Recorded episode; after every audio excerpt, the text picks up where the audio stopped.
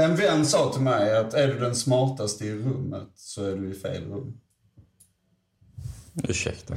Jag skulle precis säga, jag hade känslan av att Asch bara skulle typ välta stolen och lämna. Nej, absolut Nej. inte. Uh, välkomna tillbaka till ett nytt avsnitt av Den nakna entreprenören med mig, Jakob Svärd.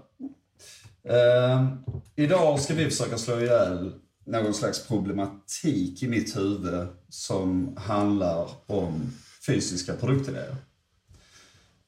Och då har jag med mig två gäster. Eh, Peter Arndt och Arash Golchenes. Uh, sitter ni bekvämt? Absolut, alldeles bättre. Jag kommer inte ha några vänner kvar i slutändan. Bara för jag har tagit, mig igenom. Jag har tagit, mig den här comfort zone-grejen att bli inspelad så. Vilket gör att jag tvingar alla mina vänner att göra samma. Så att runt jul så räknar jag att jag behöver nya vänner så det kan ni ansöka om i alla de här kommentarsfälten. Om ni vill det. Ehm, vem är ni pågar? Nu får ni berätta lite grann. Peter, vem är Peter? Vem är Peter? Världens svåraste fråga alltid. Uh, ingenjör i grunden. Kanske kommer på tals under samtalen. Uh, Men du är också entreprenör? entreprenör, drivit bolag sedan mitten av 90-talet. Startat kanske, jag vet inte, sju, åtta bolag kanske. Något i den stilen. Fantastiskt. Och du Jag vet inte vad jag ska säga. Nej, det kan väl räcka. Det är väl en jättebra bild av dig.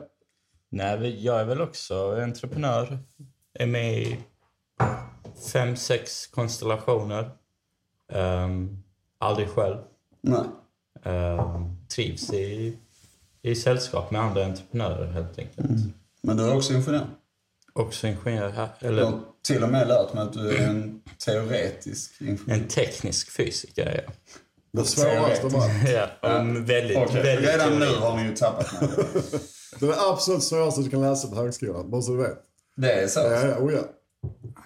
Ja, det är ju fantastiskt. Vilken förebild. Nej, det vet jag inte. Det betyder bara att jag var rejält, rejält nördig under en viss period i livet. Ja, men det, jag, jag vet inte. Jag tror inte jag hade kunnat gjort det idag, men det är rätt skönt att bara kunna... Det är en period i livet då man verkligen kan ta sig an saker sådär helhjärtat. För, Men jag har ju en sån fundering där att eh, jag tror att, må- jag, jag, jag förstår att det här inte är rätt, men många akademiska utbildningar tycker jag verkar hämmande för entreprenörskap. Men är det så att ingenjörsutbildning eller vissa ingenjörsutbildningar är tvärtom? Att det faktiskt är gynnande? Möjligtvis vissa, eh, men inte de traditionella. De traditionella, då ska man ändå rätta sig rätt mycket i follan. Alltså man ska ändå bli, eh, man ska bli ingenjör. Och en ingenjör är inte samma sak som en entreprenör. Sen, sen märker jag nu, nu märker jag att det är nog en större grad utav kanske designersen som har en entreprenöriell ådra i sig. Just det. Så det är mer de som har det här kreativa, Ja. Att det kreativa kan hänga ihop med entreprenörskap? Kan det vara så? Peter, Ja. vad tror du? Jag tror inte, inte det går att dra den parallellen. Utan har man ett intresseområde på tekniksidan så vill man ju kunna det. Sen har det förvaltats. Ibland så blir det en ingenjör på Tetra Pak. Ibland så blir det någonting annat. Precis. Så snarare hur djupt ditt intresse går på på, på det privata Då planet. är vi egentligen tillbaka på det att det handlar snarare om att eh, du är en personlighet som, Ja. som blir entreprenör. Och sen må hända att du var ingenjör också. Ja, alltså jag känner hur många som helst som läst civilingenjörsutbildningar som inte överhuvudtaget jobbar med någonting kring ingenjörskunskapen. Utan de, de läste det för att bli karriärister istället. Så Ja, det finns alla möjliga varianter på det. Ja, det är klart. Ja, men- Medan vissa andra fokuserar på att fan det var rätt kul med teknik. Då kan jag göra åt det istället. Precis. Men jag, där, Sen, sen är det också så, jag, jag avbryter det. jag gör det. Det är Ja. rätt. Det är det, det, det, är det nakna entreprenörer är till. Ja, men sen är det, alltså någonstans, jag vet inte, eh, man var... Jag var rätt ung när jag förstod att jag skulle driva eget. Alltså, med ung så menar jag, jag var kanske 15. Alltså någonstans så var, sen läste jag något fruktansvärt teoretiskt. Eh, men det, det blir inte ett hinder, för har man det intresset så kommer man ändå bli entreprenör. Var, och det är ju inte alltid det vi gör är 100% ingenjörsmässigt när man är entreprenör. Nej, precis. Man gör Du gör tusen andra grejer som inte har med ingenjörskap för att förverkliga det du måste göra. Ja. Ja, det är ju det det handlar om. Det, alltså entreprenörskap, jag, jag läste en... Um, för ett tag sedan var det, nej, eller för ett tag sedan, det var tio år sedan. Um, så läste jag om att man jobbar dubbelt så mycket. Många entreprenörer jobbar dubbelt så många timmar. Men de är också dubbelt så lyckliga. För att på något, ja, sätt, på något sätt, ens jobb, ens jobb bland många entreprenörer som jag har träffat är ändå någonting Det är som ditt man... intresse också. Det är också ditt intresse. Du, du Det blir att det. ägna sig åt sin hobby. Ja. Och det tror jag absolut är en sån här entreprenörsgrej. Uh, att jag känner ju samma sak. Det är fan det roligaste jag vet. Det är när jag hittar nya grejer och sätter till mig. Men det är, där ska jag komma till nästa, för nu ska vi försöka komma in på det ämnet som jag tycker är det relevant vi ska prata om idag. Och det är, jag som entreprenör i mitt yrke som entreprenör. uh, jag skriver upp till, jag ska gissa ungefär fyra affärsplaner varje år som jag skriver färdigt. Hela affärsplanen redo att i så fall rulla ut eller att säga att vi skiter i den. Och sen är det då massor som läggs ner i olika skeden av detta här. Redan kanske i soffan när, jag, när idén slår mig så lägger jag ner den efter två minuter. Eh, och det är generellt i mitt fall alltid det, vi, det jag tänker är den fysiska produktidén. Det som jag tänker att ni är jävligt bra på. Um, när jag Vi kom... lägger ner alla andra. Vad sa du? Vi lägger ner alla Ja, andra. Ni gör bara dem.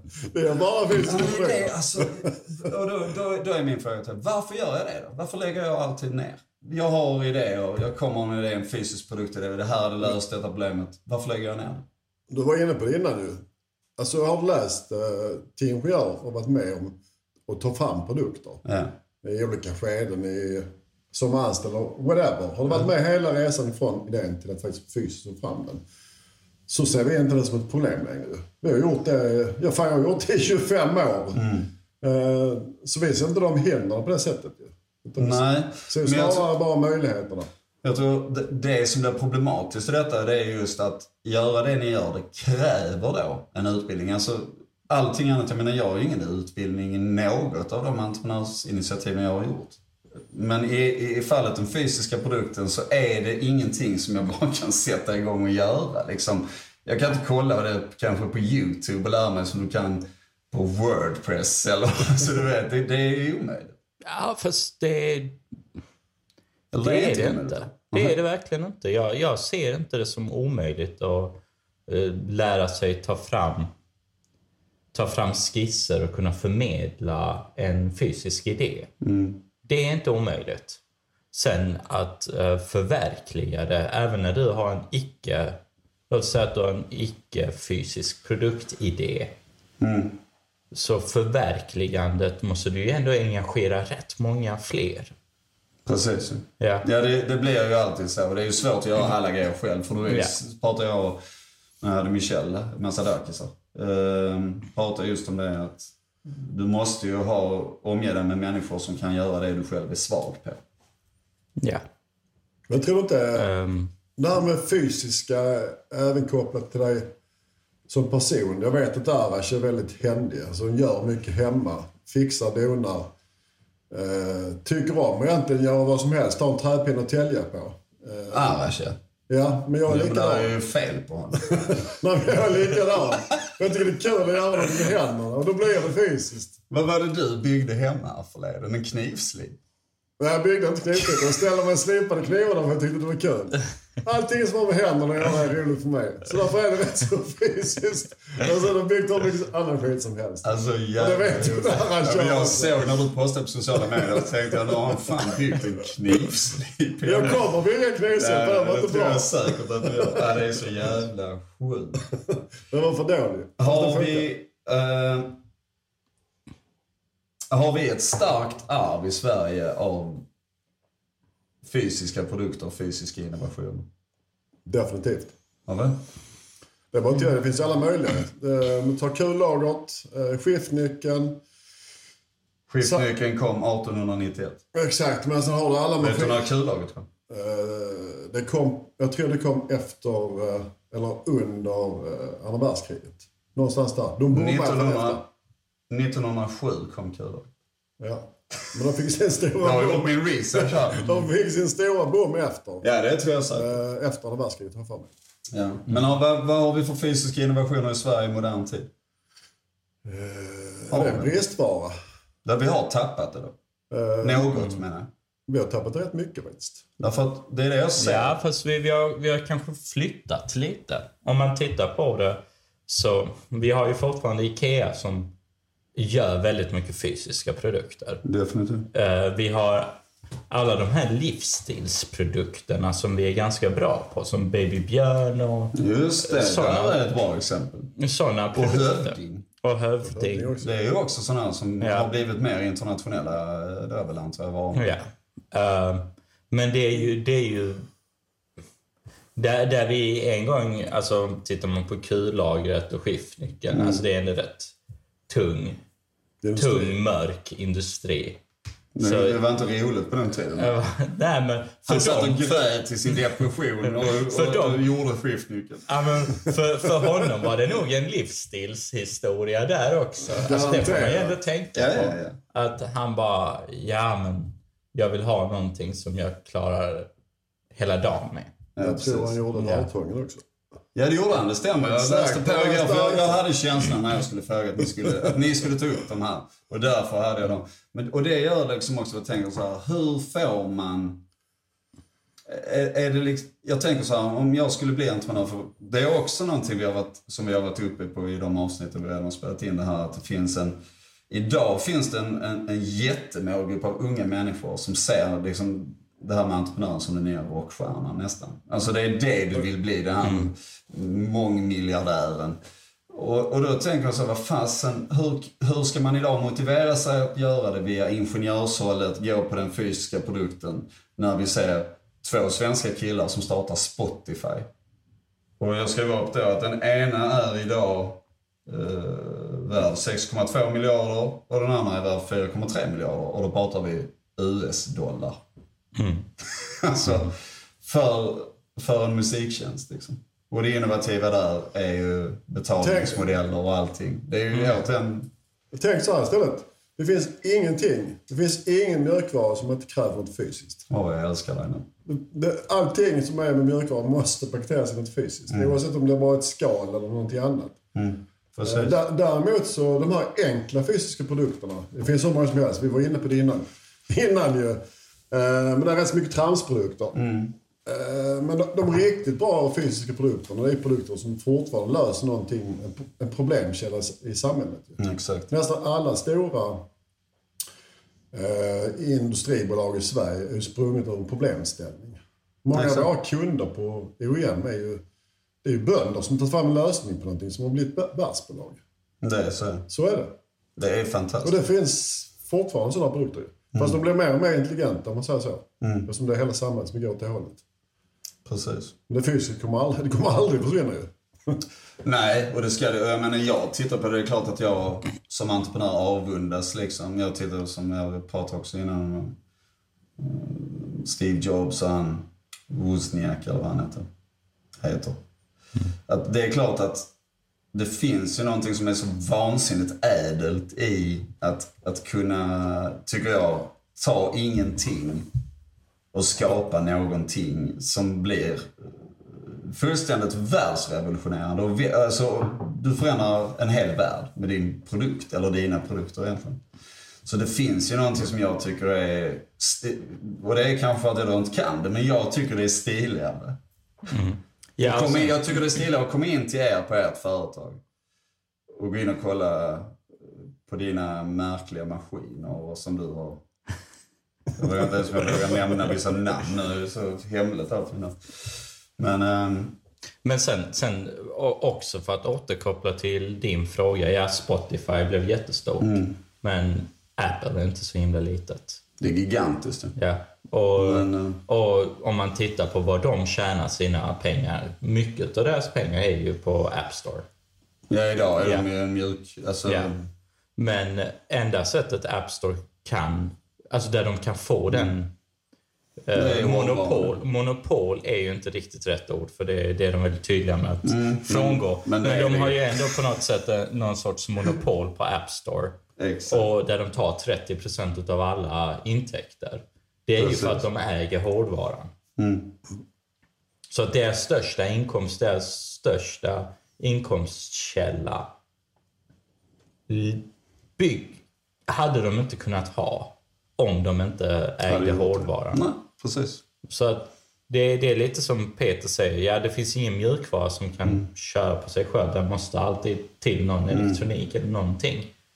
Med det sagt så det finns ju väldigt många stora mjukvarubolag. Alltså, ja, Spotify är ett exempel utav många. Ja, Microsoft och eh, det Ja. finns ju med, de är inte svenska i och sig. Nej, Men det är ju så, vi är duktiga. Jag tycker man, Sverige går ju, har väl under en väldigt lång tid gått mot att vi har väldigt duktiga konsulter och duktiga mjukvaruutvecklare, programmerare och, och både teoretiska och praktiska.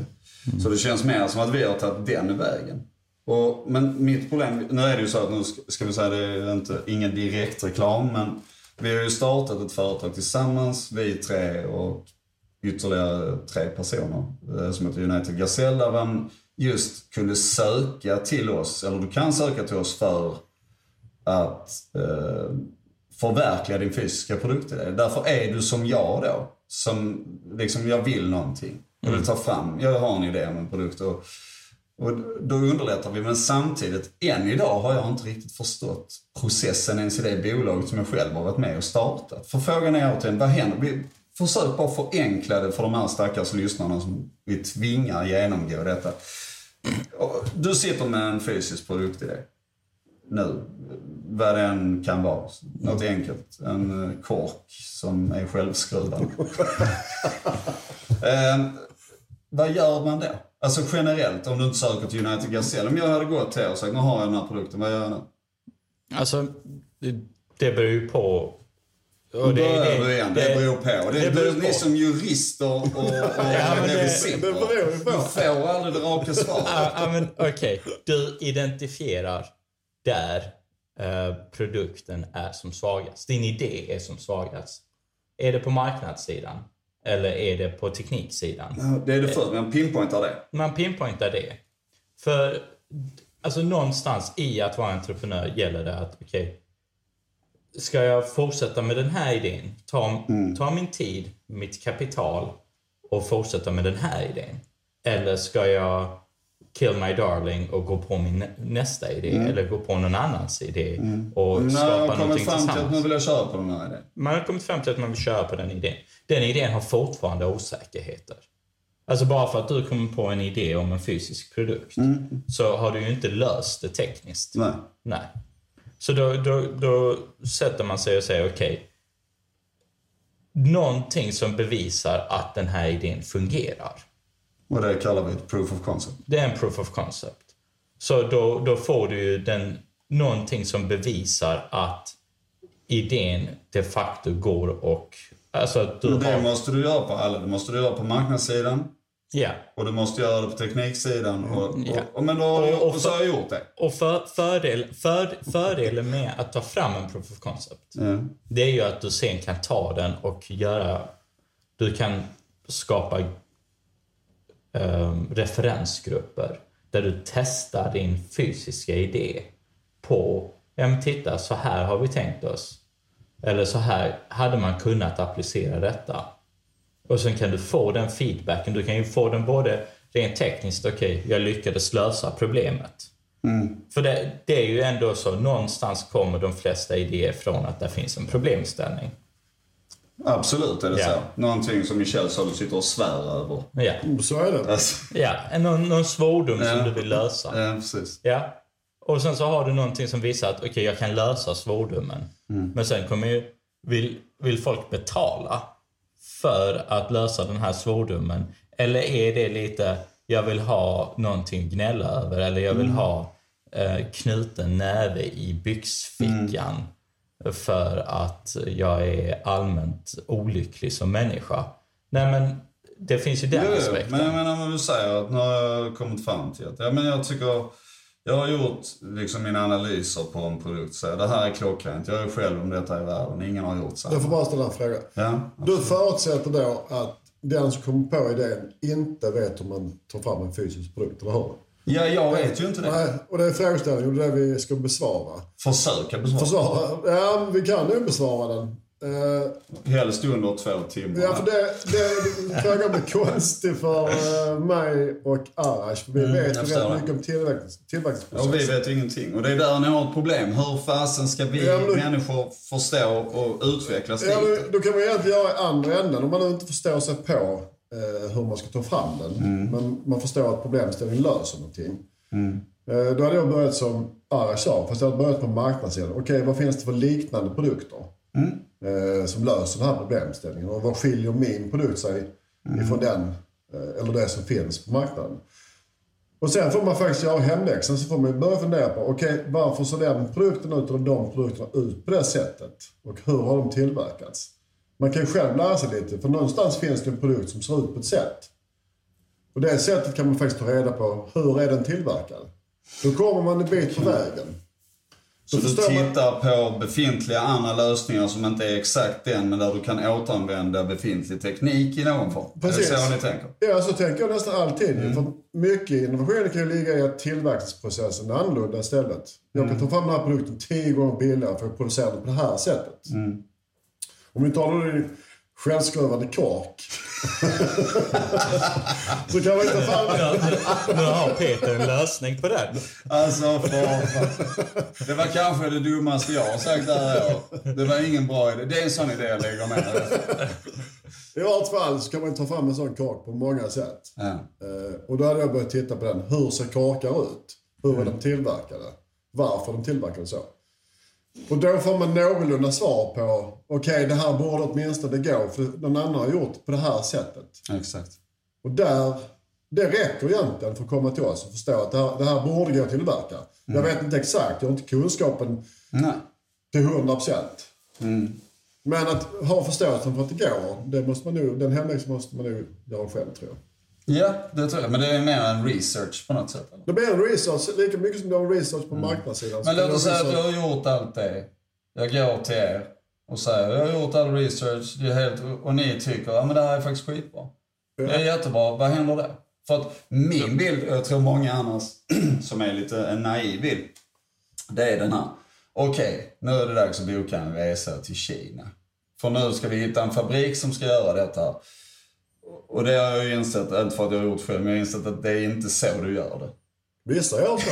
Ja, men det blir ju Ja, men det blir ju också pannkaka det, blir, många det, är ju inte så du gör en innovation. Alltså, ja, jag är ju sån som jag gillar att ta fram många prototyper. Ja, okej. Ja, jag, jag gör hellre korta, snabba spin. Det, det finns olika skolor där. Och olika skolor är bra för olika produkter. Alltså man kan inte göra korta, snabba spins på bilar för det är för många komponenter, det är för komplext. Men på små grejer så kan man göra korta, snabba spins. Man ser till att ja, men, ha en halvhyfsad 3D-printer och printa Men jag, mycket av mekaniken. precis, så det, bara- där kommer in på, för jag tänker så att egentligen borde ni två lära er att prata om detta här ungefär som att ni hade fått uppgiften att göra ett barnprogram. Alltså förstår du vad jag menar? Du måste prata med ett språk som är så fruktansvärt enkelt. Då kommer vi in på lite enklare begrepp, alltså prototyp. Jag kan åtminstone tro mig att det fattar jag. Okej, första versionen av någonting, vi testar den.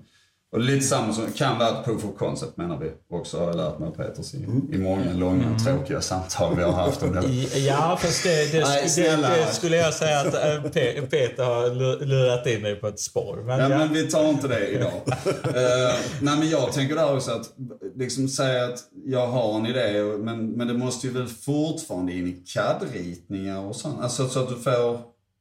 Inte, Eller det är inte nödvändigtvis att det alltså, det är beror den, precis på, på idén. Den självskruvande korken, eller den hamnat i CAD. Kanske inte direkt, du kanske har gjort den på något annat sätt. Men det, många sitter och klipper ett papper och gör sin fysiska, Ja. fys, första fysiska modell bara en pappersmodell. Bara för att se om formen är rätt. Jättemånga. Ja, om ja. du tittar på industridesign så jobbar de både med lera, papper och skisser, allt innan, de, allt, allt innan CADen egentligen. Ja, och, och en skiss kan ju ändå förmedla, förmedla rätt mycket. Alltså en skiss kan ju både förmedla en, en känsla och en, en utformning, en, ehm, en idé om hur den ska brukas. Exakt. Ja, och Många då, gör trämodeller. Ja, det är det. Jag inser det nu att det är ju klart att det går att göra sådana grejer. Det beror precis på idén om man säger så. Men om du bara ska komma ett par steg framåt så kan du ställa i garaget och göra jävligt mycket själv om man vill det. Till exempel en knivslip. Till exempel en knivslip. Och en självskruvande kork. Ja, den- Den kan man fixa. Jag har redan lösningen. En självskruvande kork i papper. En storsäljare. Sverige återtar innovationsstatus. Den kommer verkligen bli en storsäljare. Men det är... Ja, men men jag tror... Det är bra tittarfråga. För den här konsulten som tvingade mig att göra detta från början, han har sagt att jag ska ställa frågor till. Så nu gör jag det. Har ni någonsin kört fast i, en, eh, i ett entreprenörsprojekt eller med en fysisk produkt, så snälla eh, meddela oss eller kommentera så vi får höra din historia. Vem vet, du kanske kan gästa oss i framtiden. Det hade varit jättebra. Eh, ja, hur mycket mer kan vi gå in på detta? Det känns som att vi måste göra ett avsnitt till som verkligen handlar om hur man... ehm, den exakta processen. För det är, och det är på något sätt man hade velat dokumentera en hel process. Och se vad hände i detta. För jag tror det är oerhört intressant. Inte bara för mig utan för många andra. Men då tror jag man hade behövt följa hela resultatet. United Gazelle-projekt ju. Ja, det kan vi följa. Men vi kan även ta och göra det i en självskruvande kork. Inte vad den kommer... Nej, men kommer då får jag komma på en bättre idé. Det hade varit roligt. Bara se hur, hur, man, hur man gjorde någonstans sådär. En dum idé. Eller? ja, men alltså i den, den processen, den processen kan vi absolut eh, dokumentera. För då blir det inte så att jag börjar med att säga att ah, men det beror på. Utan där har vi kanske en specifik produkt där man tar de besluten. Hur löser vi detta? Hur tar vi det steg för steg? Vad är vår proof of concept? Precis. Vad skiljer en proof of concept från en prototyp? Vad- Ja. För att Fråga det, är olika, det är olika frågor. Det är olika frågor du vill svara på. Ja. Det, i, egentligen allt du gör, det är ju för att minska någon sorts osäkerhet. Alltså, va- vare sig du jobbar på tekniksidan, det är ju det som är så himla intressant med entreprenörskapet. Det är ju att det finns alltid osäkerheter i det vi gör. Exakt. Och genom att ställa rätt frågor så börjar vi ta bort osäkerheter på rätt ställen. Men det är samma som när jag skriver en affärsplan. Det är ju exakt samma grej. Ja. När jag sk- skriver SWOT och pestanalyser och så vidare. Det är ju för att alla liksom hoten eller eh, svagheterna i det jag gör ska komma fram. Så att du kan se, kan jag lösa dem? Kan, jag, kan jag väga upp hotet med en möjlighet istället? Och, och hitta luckor. Exakt. Fast det Så det är ju, då är egentligen proof of concept, det är ju både, där är det ju definitivt teoretisk eller, eller så. Men samtidigt som du säger, det tekniska är ju också, går det ens att göra det? Då? Ja. Ja, alltså den själv, självskruvande korken till exempel. Nu hade vi kanske dödat... Tänk om vi har kommit på världens grej. Ja, jo- gjord i papper. Så att det är ju ändå rätt Det har mycket miljötänk. Eh, men uh, nå, någonstans... Ehm, Nu, kolla nu, nu, nu får du mig att känna mig som en idiot. Där såg du att den kom där. Den här, eh, jag är lite smartare än dig. Helt nej. nej, det skulle jag aldrig säga. Eller tänka för den sakens skull. Jag skulle aldrig säga det. Du är så underbar. är. Ehm, det här Jag är... måste bara fylla i där, för det Arak säger är nog kanske viktigt för de som lyssnar. Det man gör när man tar en fysisk produkt, det är, det är två parallella spår samtidigt. Ta bort risken på marknadssidan, att du tror att det går, att det finns en marknad. Men sen tar du bort de tekniska hindren. När de är liksom båda två på rätt plan, det är då man tar fram sin eh, proof of concept på riktigt. Stegvis ta bort de här problemställningarna. Och det kan vara allt ifrån att den är svår att tillverka, att det är fel material, att det, det kan vara alla möjliga konstiga problemställningar. Eh, att temperaturerna är fel. Vad som helst egentligen.